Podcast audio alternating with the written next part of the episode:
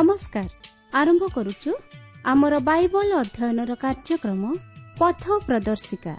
ପବିତ୍ର ବାଇବଲ କହେ କାରଣ ପାପର ବେତନ ମୃତ୍ୟୁ କିନ୍ତୁ ଈଶ୍ୱରଙ୍କ ଅନୁଗ୍ରହ ଦାନ ଆମ୍ଭମାନଙ୍କର ପ୍ରଭୁ ଖ୍ରୀଷ୍ଟ ଯୀଶୁଙ୍କ ସହଭାଗିତାରେ ଅନନ୍ତ ଜୀବନ ଅଟେ। ଆସନ୍ତୁ ସେହି ମୃତ୍ୟୁର ଭୟରୁ ରକ୍ଷା ପାଇ ଅନନ୍ତ ଜୀବନର ଅଧିକାରୀ ହେବା ନିମନ୍ତେ ଶୁଣିବା ବେତାର କାର୍ଯ୍ୟକ୍ରମ ପଥ ପ୍ରଦର୍ଶିକା।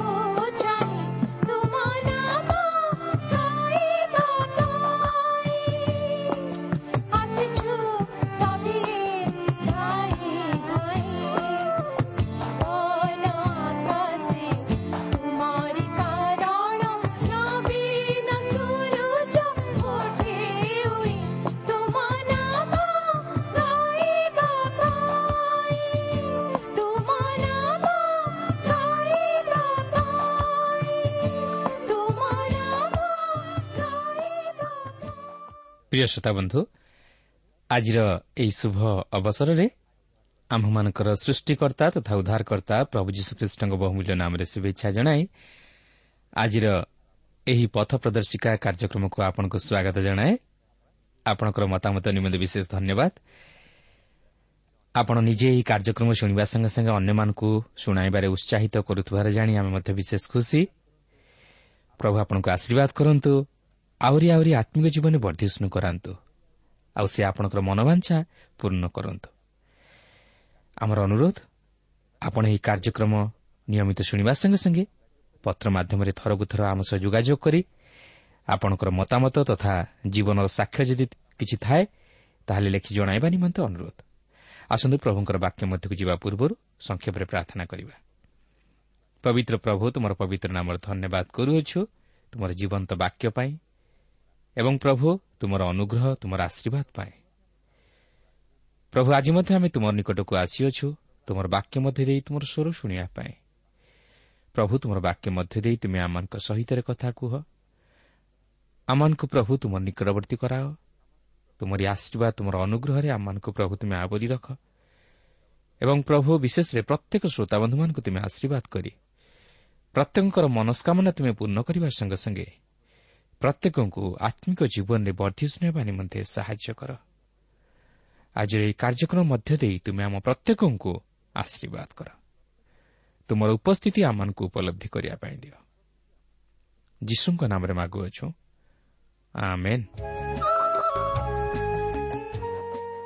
ଆସନ୍ତୁ ବର୍ତ୍ତମାନ ଆମେ ପ୍ରଭୁଙ୍କର ବାକ୍ୟ ମଧ୍ୟକୁ ଯିବା।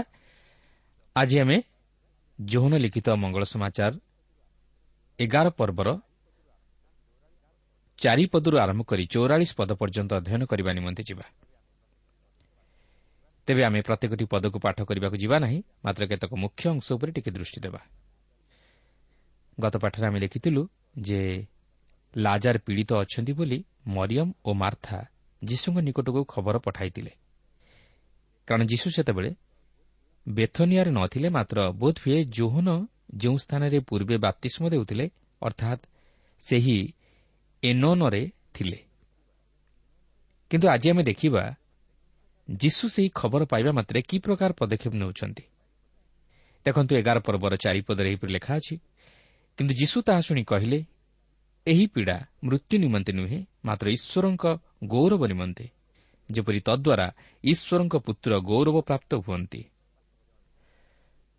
ବାସ୍ତବରେ ଅନେକ ସମୟରେ ଆମେ ଭାବୁ ଯେ ଶାରୀରିକ ପୀଡ଼ା କେବଳ ଆମର ପାପ ନିମନ୍ତେ ଘଟେ କିନ୍ତୁ ତାହା ମଧ୍ୟ ଭାବିବା ଯୁକ୍ତିଯୁକ୍ତ ନୁହେଁ। ଅନେକ ସମୟରେ ଈଶ୍ୱର ତାହାଙ୍କର ଗୌରବ ନିମନ୍ତେ ଓ ଆମମାନଙ୍କର ଜୀବନ ଦ୍ୱାରା ମହିମାନ୍ୱିତ ହେବା ନିମନ୍ତେ ଏହିପରି ଘଟାଇଥାନ୍ତି। କିନ୍ତୁ ଏହାର ଅର୍ଥ ନୁହେଁ ଯେ ତାହାଙ୍କର ପ୍ରେମ ଆମ ପ୍ରତି ଉଣା ହୋଇଯାଏ। କାରଣ ଯୀଶୁ ଯଦିଓ ଲାଜାରଙ୍କୁ ସ୍ନେହ କରୁଥିଲେ ତଥାପି ଲାଜାର ଶାରୀରିକ ପୀଡ଼ାରେ ଆକ୍ରାନ୍ତ ହେଲେ କିନ୍ତୁ ପ୍ରଭୁ ଯୀଶୁଙ୍କ ସ୍ନେହ ତାଙ୍କ ପ୍ରତି ଉଣା ହୋଇନଥିଲା। ତେଣୁ ଆପଣ ଯେତେବେଳେ ରୋଗ ବ୍ୟାଧିର ସମ୍ମୁଖୀନ ହୁଅନ୍ତି ବା କୌଣସି ପ୍ରକାର ସମସ୍ୟାର ସମ୍ମୁଖୀନ ହୁଅନ୍ତି ଭାବନ୍ତୁ ନାହିଁ ଯେ ଯୀଶୁ ଆପଣଙ୍କୁ ପ୍ରେମ କରନ୍ତି ନାହିଁ ବୋଲି। ମାତ୍ର ସେ ଆପଣଙ୍କ ପ୍ରତି ତାହାଙ୍କର ଦୟା ଦୃଷ୍ଟି ରଖିଥାନ୍ତି। ଓ ଆପଣଙ୍କ ଜୀବନରେ ଯାହା କିଛି ଘଟେ ତାହା କେବଳ ଈଶ୍ୱରଙ୍କ ଗୌରବ ନିମନ୍ତେ ହିଁ ଘଟେ। ତେଣୁକରି ଯୀଶୁ ଚାହୁଁଥିଲେ ତାହା ଯେପରି ଘଟୁ ଯଦ୍ୱାରା ଈଶ୍ୱର ଗୌରବାନ୍ୱିତ ହେବେ। ତେଣୁକରି ପାଞ୍ଚ ଓ ଛଅ ପଦରେ ଏହିପରି ଲେଖା ଅଛି ଯୀଶୁ ମାର୍ଥା ତାହାଙ୍କ ଭଉଣୀ ଓ ଲାଜାରଙ୍କୁ ସ୍ନେହ କରୁଥିଲେ। ଅତଏବ ସେ ପୀଡ଼ିତ ଅଛନ୍ତି ବୋଲି ଯେତେବେଳେ ସେ ଶୁଣିଲେ ସେତେବେଳେ ସେ ଯେଉଁ ସ୍ଥାନରେ ଥିଲେ ସେହି ସ୍ଥାନରେ ଦୁଇ ଦିନ ରହିଗଲେ। ତେବେ ଯୀଶୁ କ'ଣ ଲାଜାର ପ୍ରତି ନିର୍ଦ୍ଦୟ ଥିଲେ? ନା ସେ ଚାହୁଁଥିଲେ ଲାଜାର ମରିଯାଉ ବୋଲି? କେବେ ନୁହେଁ। ମାତ୍ର ସେ ଈଶ୍ୱରଙ୍କ ଇଚ୍ଛା ଅନୁଯାୟୀ ପରିଚାଳିତ ହୋଇ କାର୍ଯ୍ୟ କରୁଥିଲେ ଓ ସେ ଈଶ୍ୱରଙ୍କ ଇଚ୍ଛା ସଫଳ ହେଉ ବୋଲି ଚାହୁଁଥିଲେ। କାରଣ ଲାଜାରଙ୍କ ମୃତ୍ୟୁରେ ଈଶ୍ୱର ଗୌରବାନ୍ୱିତ ହେବାକୁ ଯାଉଥିଲେ ଓ ତାହାଙ୍କ ପୁତ୍ର ପ୍ରଭୁ ଯୀଶୁଖ୍ରୀଷ୍ଟ ମଧ୍ୟ ଗୌରବାନ୍ୱିତ ହେବାକୁ ଯାଉଥିଲେ।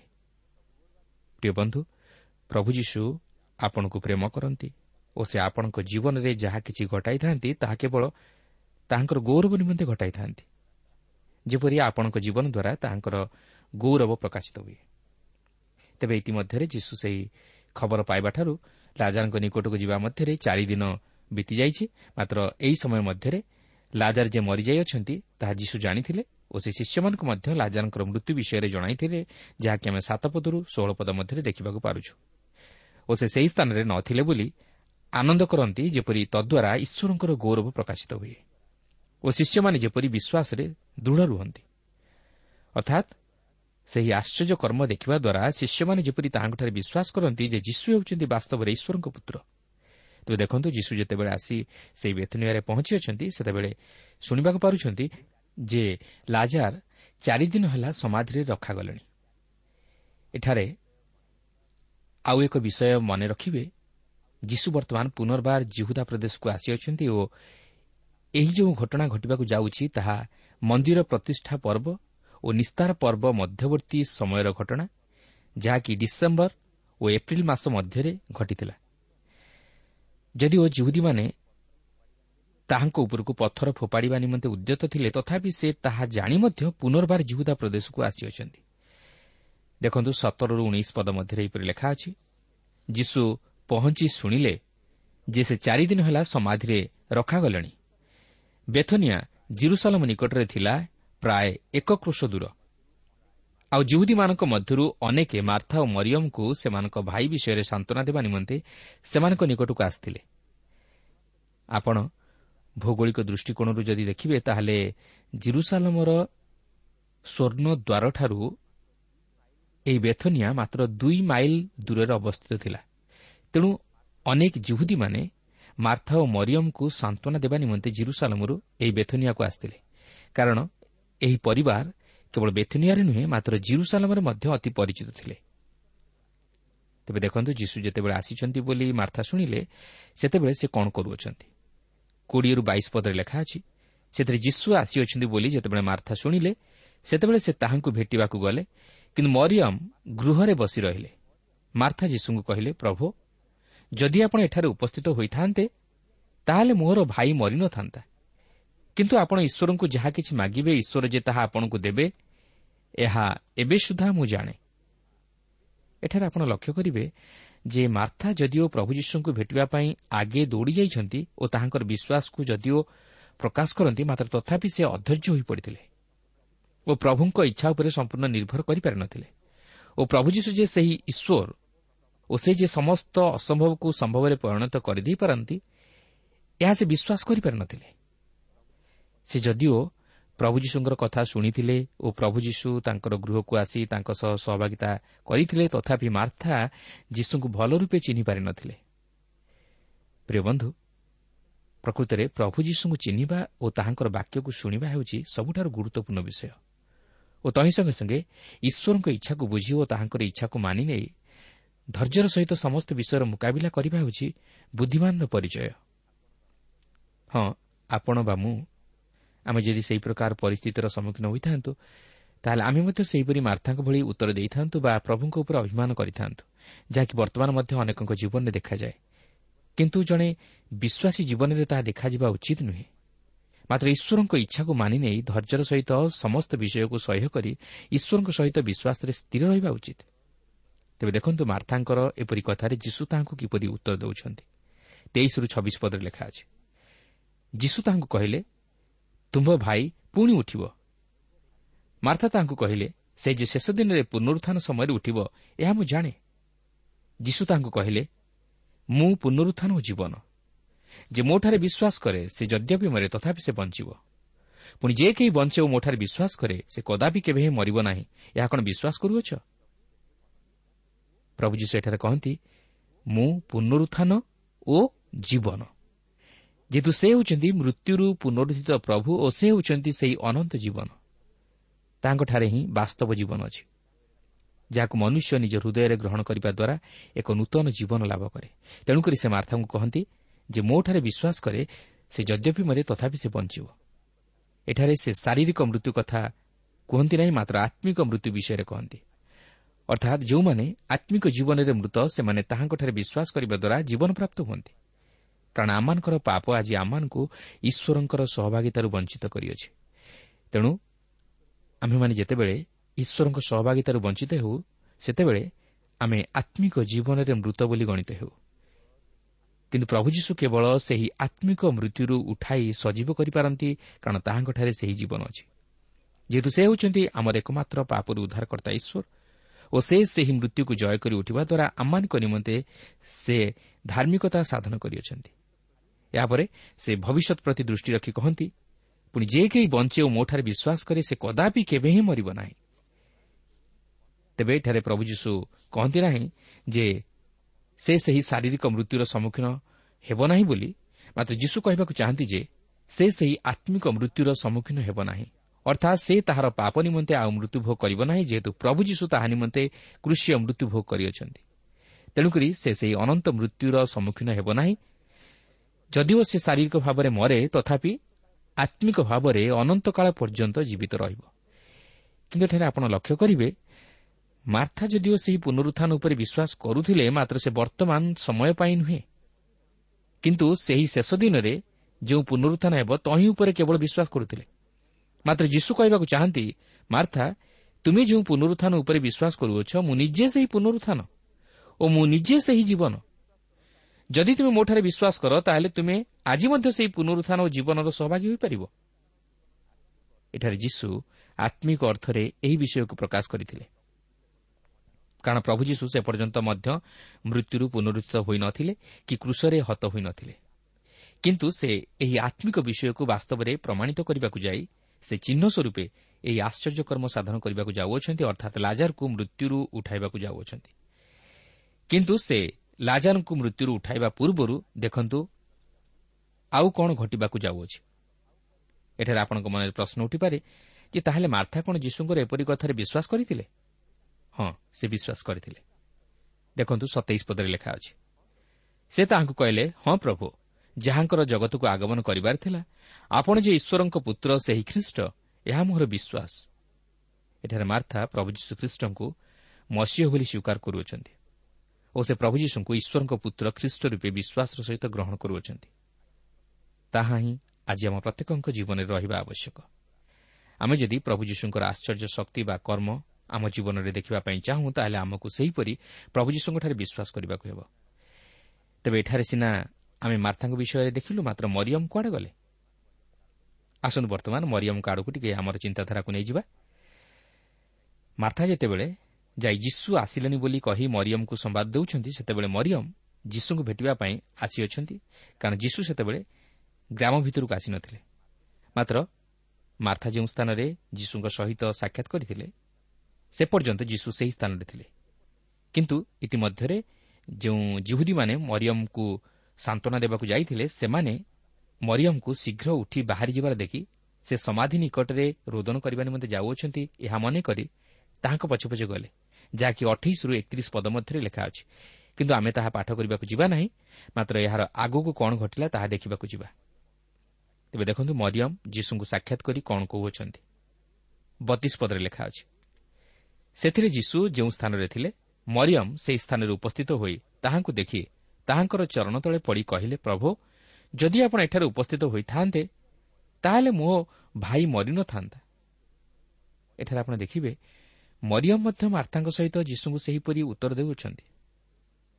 କିନ୍ତୁ ଏଠାରେ ଏହି ଘଟଣାରେ ଆମେ ପ୍ରଭୁ ଯୀଶୁଙ୍କର ବାସ୍ତବ ମାନବତ୍ୱକୁ ଦେଖିବାକୁ ପାଉଛୁ। ସେ ମାନବ ଦେହ ଧାରଣ କରି ନିଜକୁ ସୀମିତ କଲେ। ସେ ଯଦିଓ ଆତ୍ମାରେ ସେହି ସମସ୍ତ ବିଷୟ ଜାଣିଥିଲେ ମାତ୍ର ଶରୀରରେ ସେ ଲାଜାଙ୍କ ମୃତ୍ୟୁ ବା ପୀଡ଼ା ସମୟରେ ସେ ସ୍ଥାନରେ ଉପସ୍ଥିତ ନଥିଲେ। କେବଳ ସେତିକି ନୁହେଁ ପଞ୍ଚତିରିଶ ପଦରେ ଲେଖା ଅଛି ଯୀଶୁ କାନ୍ଦିଲେ। ଯାହାକି ଏକ ମାନବିକ ସ୍ୱଭାବର ପରିଚୟ ଦିଏ। ଏପରିକି ସେ ପଚାରନ୍ତି ତାହାଙ୍କୁ କେଉଁଠାରେ ରଖିଅଛ? କିନ୍ତୁ ଏଠାରେ ପ୍ରଶ୍ନ ଉଠେ ଯୀଶୁ କାନ୍ଦିଲେ କାହିଁକି? କ'ଣ ଲାଜାରଙ୍କୁ ସ୍ନେହ କରୁଥିବାରୁ? ନା ସେ ମୃତମାନଙ୍କ ହେତୁ କାନ୍ଦିଲେ।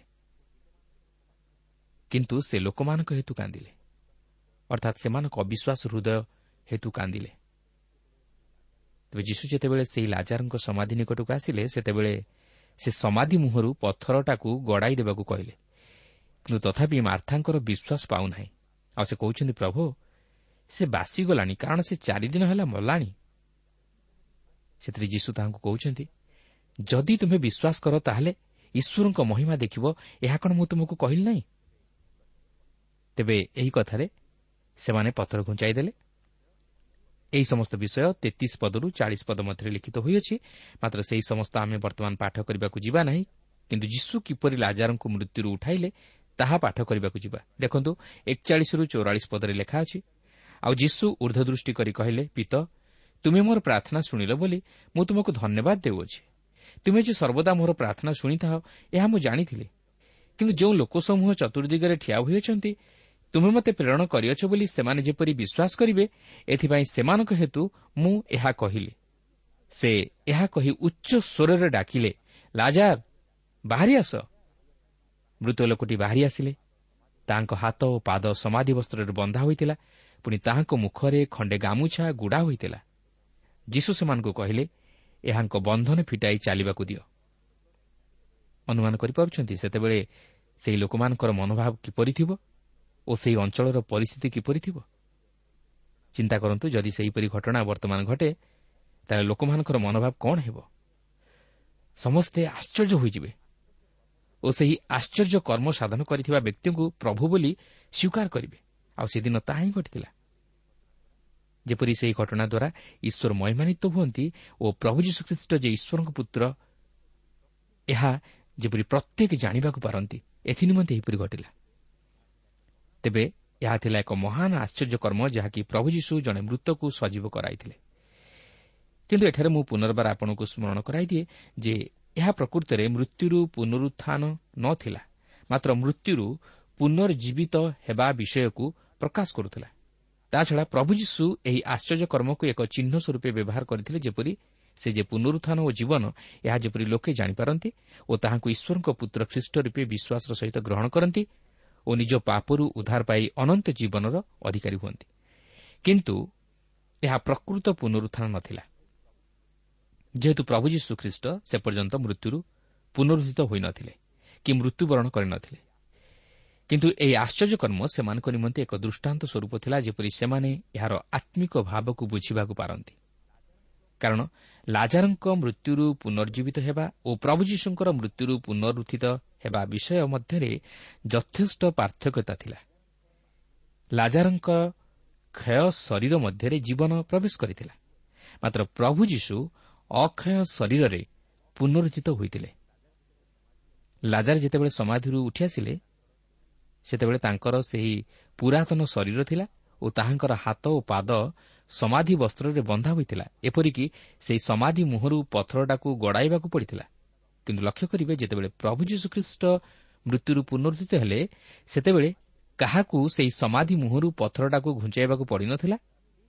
ଆଉ ସେ ଯେଉଁ ବସ୍ତ୍ରରେ ଗୁଡ଼ା ଯାଇଥିଲେ ସେହି ବସ୍ତ୍ର ମଧ୍ୟ ସେହି ସମାଧି ମଧ୍ୟରେ ପଡ଼ି ରହିଥିଲା ଏପରିକି ସେହି ଗାମୁଛା ମଧ୍ୟ ସେହି ସମାଧି ମଧ୍ୟରେ ପଡ଼ି ରହିଥିଲା। କାହିଁକି? ଯେହେତୁ ସେ ଏକ ଅକ୍ଷୟ ଶରୀରରେ ମୃତ୍ୟୁରୁ ପୁନରୁଦ୍ଧିତ ହୋଇଥିଲେ ଅର୍ଥାତ୍ ଏକ ମହିମାମୟ ଶରୀରରେ ପୁନରୁଦ୍ଧିତ ହୋଇଥିଲେ। ସେଥିପାଇଁ ପ୍ରେରିତ ପାଉଲ କହନ୍ତି ପ୍ରଭୁ ଯୀଶୁ ହେଉଛନ୍ତି ମୃତମାନଙ୍କ ମଧ୍ୟରୁ ପ୍ରଥମ ଜାତ। ଅର୍ଥାତ୍ ସେ ହିଁ ଏକମାତ୍ର ଯିଏକି ମୃତମାନଙ୍କ ମଧ୍ୟରୁ ପୁନରୁଦ୍ଧିତ ହୋଇଅଛନ୍ତି। ତେଣୁ ଲାଜାରଙ୍କ ମୃତ୍ୟୁ ବାସ୍ତବରେ ପୁନରୁତ୍ଥାନ ନ ଥିଲା ମାତ୍ର ଏକ କ୍ଷୟ ଶରୀର ପୁନର୍ଜୀବିତ ହୋଇଥିଲା। ତାଛଡ଼ା ଲାଜାର ପୁନର୍ବାର ମୃତ୍ୟୁବରଣ କରିଥିଲେ। କିନ୍ତୁ ଏହି ଲାଜାରଙ୍କ ଘଟଣାରୁ ଆମକୁ ଏକ ସୁନ୍ଦର ଆତ୍ମିକ ଶିକ୍ଷା ମିଳେ ଯେ ଆମେ ଆମର ପାପ ଓ ଅଧର୍ମ ଲାଗି ଆତ୍ମିକ ଜୀବନରେ ମୃତ ଅଟୁ। ଅର୍ଥାତ୍ ଆମେ ଆତ୍ମିକ ଜୀବନରେ ଈଶ୍ୱରଙ୍କ ପ୍ରତି ମୃତ ଅଟୁ। ମାତ୍ର ସେହି ପ୍ରଭୁ ଯୀଶୁଖ୍ରୀଷ୍ଟଙ୍କଠାରେ ବିଶ୍ୱାସ କରିବା ଦ୍ୱାରା ଆମେ ଆତ୍ମିକ ଜୀବନରେ ଜୀବିତ ହେବା। କାରଣ ସେ ଆମମାନଙ୍କ ପାପ ନିମନ୍ତେ ମୃତ୍ୟୁବରଣ କରି ଓ ତୃତୀୟ ଦିବସରେ ମୃତ୍ୟୁରୁ ପୁନରୁଦ୍ଧିତ ହୋଇ ଆମମାନଙ୍କ ନିମନ୍ତେ ଧାର୍ମିକତା ସାଧନ କରିଅଛନ୍ତି। ଓ ସେ ଆମମାନଙ୍କର ସେହି ପାପର ବନ୍ଧନରୁ ଆମମାନଙ୍କୁ ମୁକ୍ତ କରିବାକୁ ଚାହାନ୍ତି। ସେଦିନ ଯେପରି ସେ ଲାଜାରଙ୍କ ବିଷୟ ନେଇ କହିଥିଲେ ଏହାଙ୍କ ବନ୍ଧନ ଫିଟାଇ ଚାଲିବାକୁ ଦିଅ। ଠିକ୍ ସେହିପରି ସେ ଆଜି ମଧ୍ୟ ଆମମାନଙ୍କୁ ପାପରୁ ଉଦ୍ଧାର କରି ତାହାର ବନ୍ଧନରୁ ଆମକୁ ମୁକ୍ତ କରିବାକୁ ଚାହାନ୍ତି। କାରଣ ଆଜି ଆମ୍ଭେମାନେ ନିଜର ପାପ ହେତୁ ଈଶ୍ୱରଙ୍କ ସହଭାଗିତାରୁ ବଞ୍ଚିତ ହୋଇଅଛୁ। ଓ ଆମ୍ଭେମାନେ ଆତ୍ମିକ ଜୀବନରେ ମୃତ ଅଟୁ। କିନ୍ତୁ ପ୍ରଭୁ ଯୀଶୁ ଆମମାନଙ୍କୁ ସେହି ଜୀବନ ଦେବାକୁ ଚାହାନ୍ତି ଯେଉଁ ଜୀବନ କି ଅନନ୍ତ ଜୀବନ। କିନ୍ତୁ ଆମେ ଯଦି ତାଙ୍କଠାରେ ବିଶ୍ୱାସ କରୁ ଓ ତାହାଙ୍କୁ ଉଦ୍ଧାରକର୍ତ୍ତା ରୂପେ ହୃଦୟରେ ଗ୍ରହଣ କରି ନିଜର ପାପ ସବୁ ସ୍ୱୀକାର କରୁ ତାହେଲେ ସେ ଆମମାନଙ୍କୁ ସେହି ପାପରୁ ଉଦ୍ଧାର କରି ଏକ ବାସ୍ତବ ଜୀବନରେ ପ୍ରବେଶ କରାଇବେ ଓ ତାହାଙ୍କ ଧାର୍ମିକତା ଦ୍ୱାରା ଆମ୍ଭମାନଙ୍କୁ ଈଶ୍ୱରଙ୍କ ନିକଟରେ ଧାର୍ମିକ କରି ଗଣନା କରିବେ ଯଦ୍ୱାରା ଆମେ ଈଶ୍ୱରଙ୍କ ସୌଭାଗିତା ଲାଭ କରି ସେହି ଅନନ୍ତ ଜୀବନରେ ପ୍ରବେଶ କରିପାରିବା। ଓ ସେ ଯେତେବେଳେ ଏହି ଜଗତର ବିଚାର କରିବା ନିମନ୍ତେ ପୁନର୍ବାର ଆଗମନ କରିବେ ସେତେବେଳେ ଆମେ ମୃତ୍ୟୁରୁ ପୁନରୁଦ୍ଧିତ ହୋଇ ତାହାଙ୍କ ସହ ସେହି ସ୍ୱର୍ଗୀୟ ରାଜ୍ୟରେ ପ୍ରବେଶ କରିପାରିବା। ତେଣୁ ପ୍ରିୟ ବନ୍ଧୁ ପ୍ରଭୁ ଆଜି ଆମମାନଙ୍କୁ ଏହି ସୁଯୋଗ ଦେଇଅଛନ୍ତି ଯେପରି ଆମେ ଏହି ଘଟଣା ମଧ୍ୟ ଦେଇ ପ୍ରଭୁ ଯୀଶୁଙ୍କର ଅଲୌକିକ ଶକ୍ତିର ପରିଚୟ ପାଉ ଓ ସେ ଯେ ଈଶ୍ୱରଙ୍କର ଅଦ୍ୱିତୀୟ ପୁତ୍ର ଆଉ ସେ ଯେ ଜଗତର ଉଦ୍ଧାରକର୍ତ୍ତା ସେ ଯେ ଆମମାନଙ୍କର ଅନନ୍ତ ଜୀବନଦାତା ସେ ଯେ ଆମମାନଙ୍କର ମୃତ୍ୟୁଞ୍ଜୟ ଈଶ୍ୱର ଏହା ଯେପରି ଆମମାନେ ଜାଣିବାକୁ ପାରୁ ଆଉ ତାହାଙ୍କଠାରେ ବିଶ୍ୱାସ କରିବାକୁ ପାରୁ ତେଣୁ ମୋର ଅନୁରୋଧ ସେହି ପ୍ରଭୁ ଯୀଶୁଖ୍ରୀଷ୍ଟଙ୍କଠାରେ ବିଶ୍ୱାସ କରନ୍ତୁ ତାହେଲେ ସେ ଆପଣଙ୍କୁ ସେ ଅନନ୍ତ ମୃତ୍ୟୁରୁ ଉଦ୍ଧାର କରିବେ ଆଉ ସେ ଅନନ୍ତ ଜୀବନରେ ପ୍ରବେଶ କରାଇବେ। ପ୍ରଭା ପ୍ରତ୍ୟେକଙ୍କୁ ଆଶୀର୍ବାଦ କରନ୍ତୁ।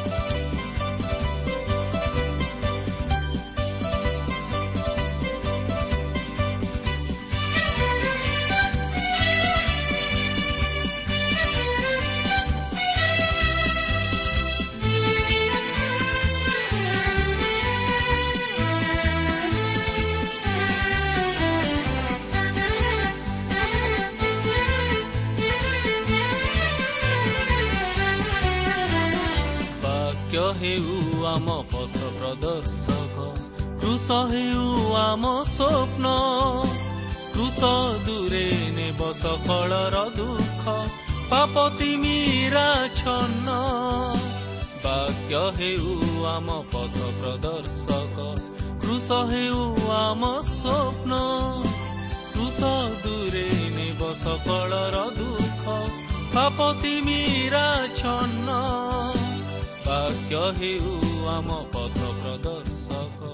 ପ୍ରିୟ ଶ୍ରୋତା ଆମର କାର୍ଯ୍ୟକ୍ରମ ନିୟମିତ ଶୁଣୁଥିବାରୁ ଅଶେଷ ଧନ୍ୟବାଦ।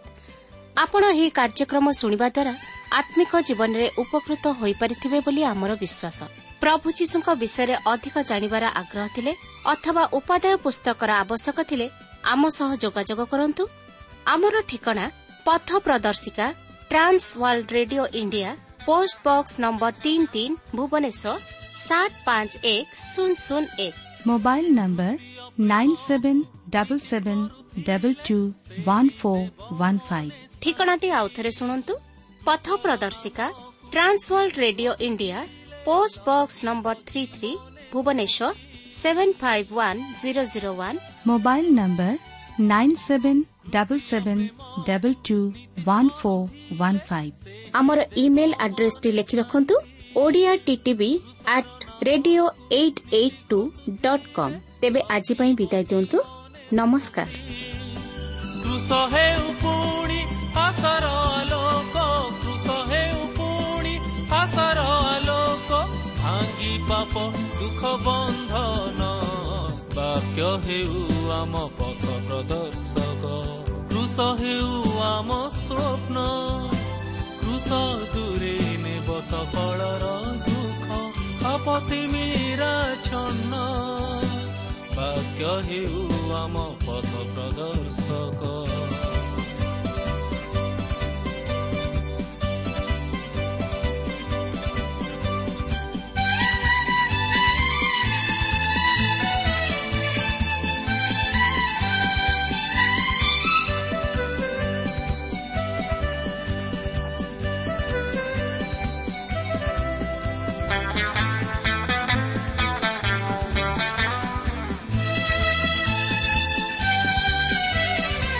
ସପାସେ ଆମେ ଅରପିବା ଆଜି ଅଛି ଯେତେ ପାପରାଶି କୃଷ ହିଁ କେବଳ ନେବ ହୃଦୟରୁ ପାପ ଦାଗ ସବୁ ନାଶି।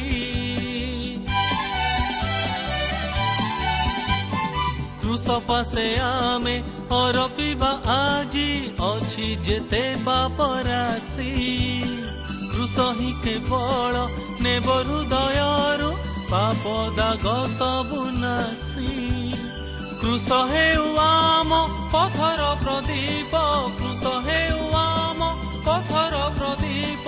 ହୋଇବୁ ତାହାରି ସନ୍ତାନ ବାକ୍ୟ ହେଉ ଆମ ପଥ ପ୍ରଦର୍ଶକ।